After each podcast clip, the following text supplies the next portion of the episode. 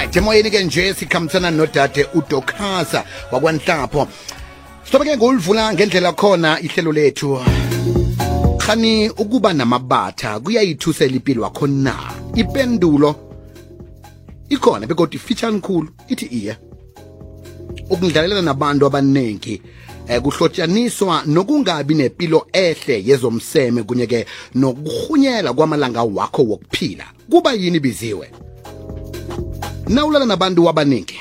Ayakhuphuka amathuba wokuthi ufumane amagulo womseme eh athathelanako afana nama-STDs uh, HIV and AIDS namanye nje athusela impilo yakho efana eh, afana ke ne prostate cancer cervical cancer ne oral cancer. Amabatha sibonelo eh sokuziphatha okumbi okunengozi. Kufana ke godu nokuhambisa begodu ukuhambisana nezenzo zokusela utshwala khulu ngendlela engalawulekiko.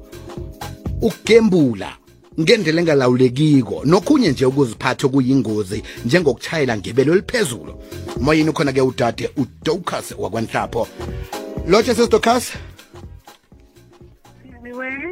bekokwezi siyathokoza ukuthi sithole ithuba lokuthi sicocisane nawe nje kodwa namhlanje singehloko esiqakatheke kangaka. Yini umthelela wamabatha phezu kwempilo yomuntu?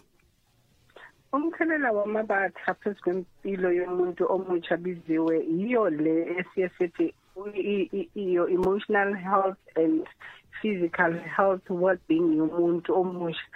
Igcina seyiba affected because manje uthola ukuthi umuntu omusha uba exposed ufumana amalwele omseme and amanye njengamankankere like prostate cancers cervical cancers zaboma oral cancers that is a lifetime thing. And ngaso sikhathi awukaqedi nesikolo. Lezo zinto ziya-affecta kwijeni yakho nokuthi uqhubeke nemfundo zakho njengomuntu omusha. So amabatha ane-negative impact efu- kwi-future yomuntu omusha. Ngaphandle kokuthi ke eh, kube nomthelela omumbe emzimbeni womuntu eh nokuthi umuntu agule nje lokho kukuthinta ukuthinta njani umphefumulo womuntu omutsha?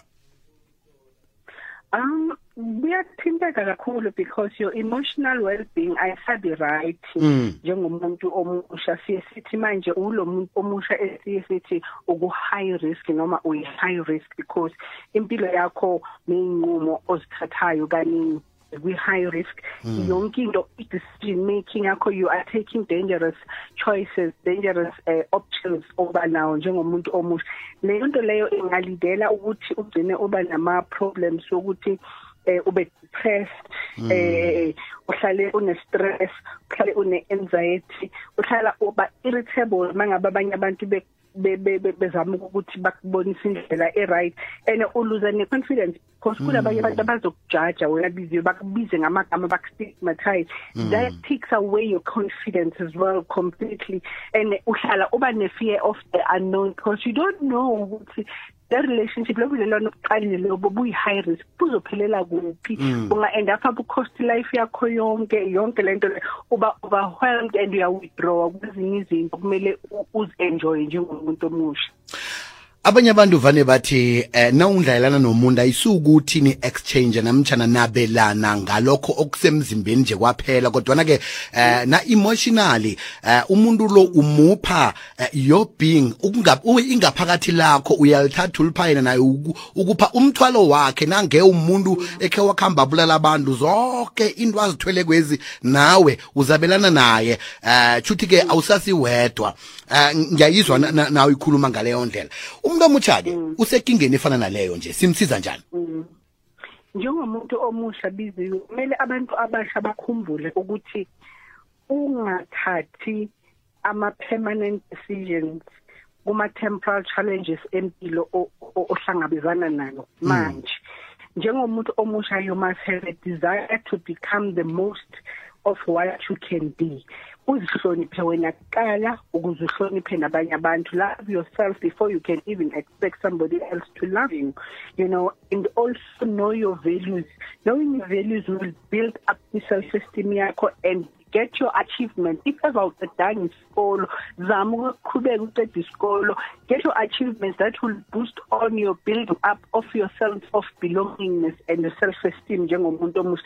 Know your worth because knowing your worth you go with that confidence of I know who I am. Mm. I know what I want in life. You understand? You've achieved. Be safe and that will help you ukuthi uyiprotecte nokuthi uprotect abanye abantu whether kumalwele or kuma decisions making that owayenza and assess your risk as a young person you have to assess i risk ukuthi esinqumo engisithathayo i risk yakhona is it high risk low risk or is it no risk at all mhm mhlawumbe ke inomboro umlaleli angazithola ukuthi akhulume nani ukuya phambili ngombana ke eh, omunye angathanda ukuthi abe nenkulumo enabileko ngayo isihloko sanamhlanje ngasi isihloko sanamhlanje si eh afuna nokuthi ke ahlathululeke ukuthi angakhona njani ukuthi aphume eh emrarweni ofana nalo nakakiwo nje. Unitholaphi?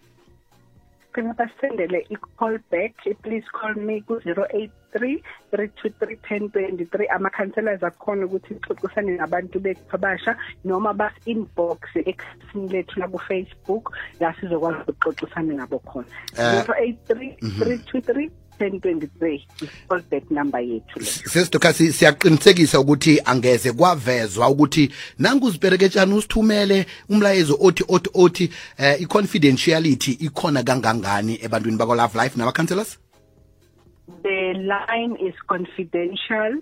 You don't even have to ukuthi sinikeze igama lakho. We are mm -hmm. protected by the confidentiality of the counseling board as well.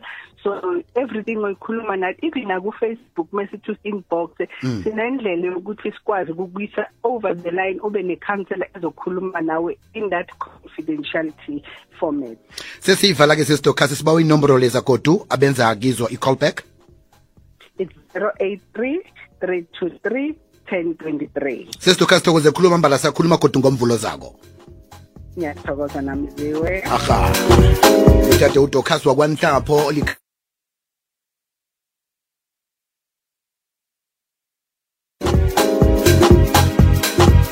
ukuthi umuntu omutsha ukhona ukuphepha endweni zephasi.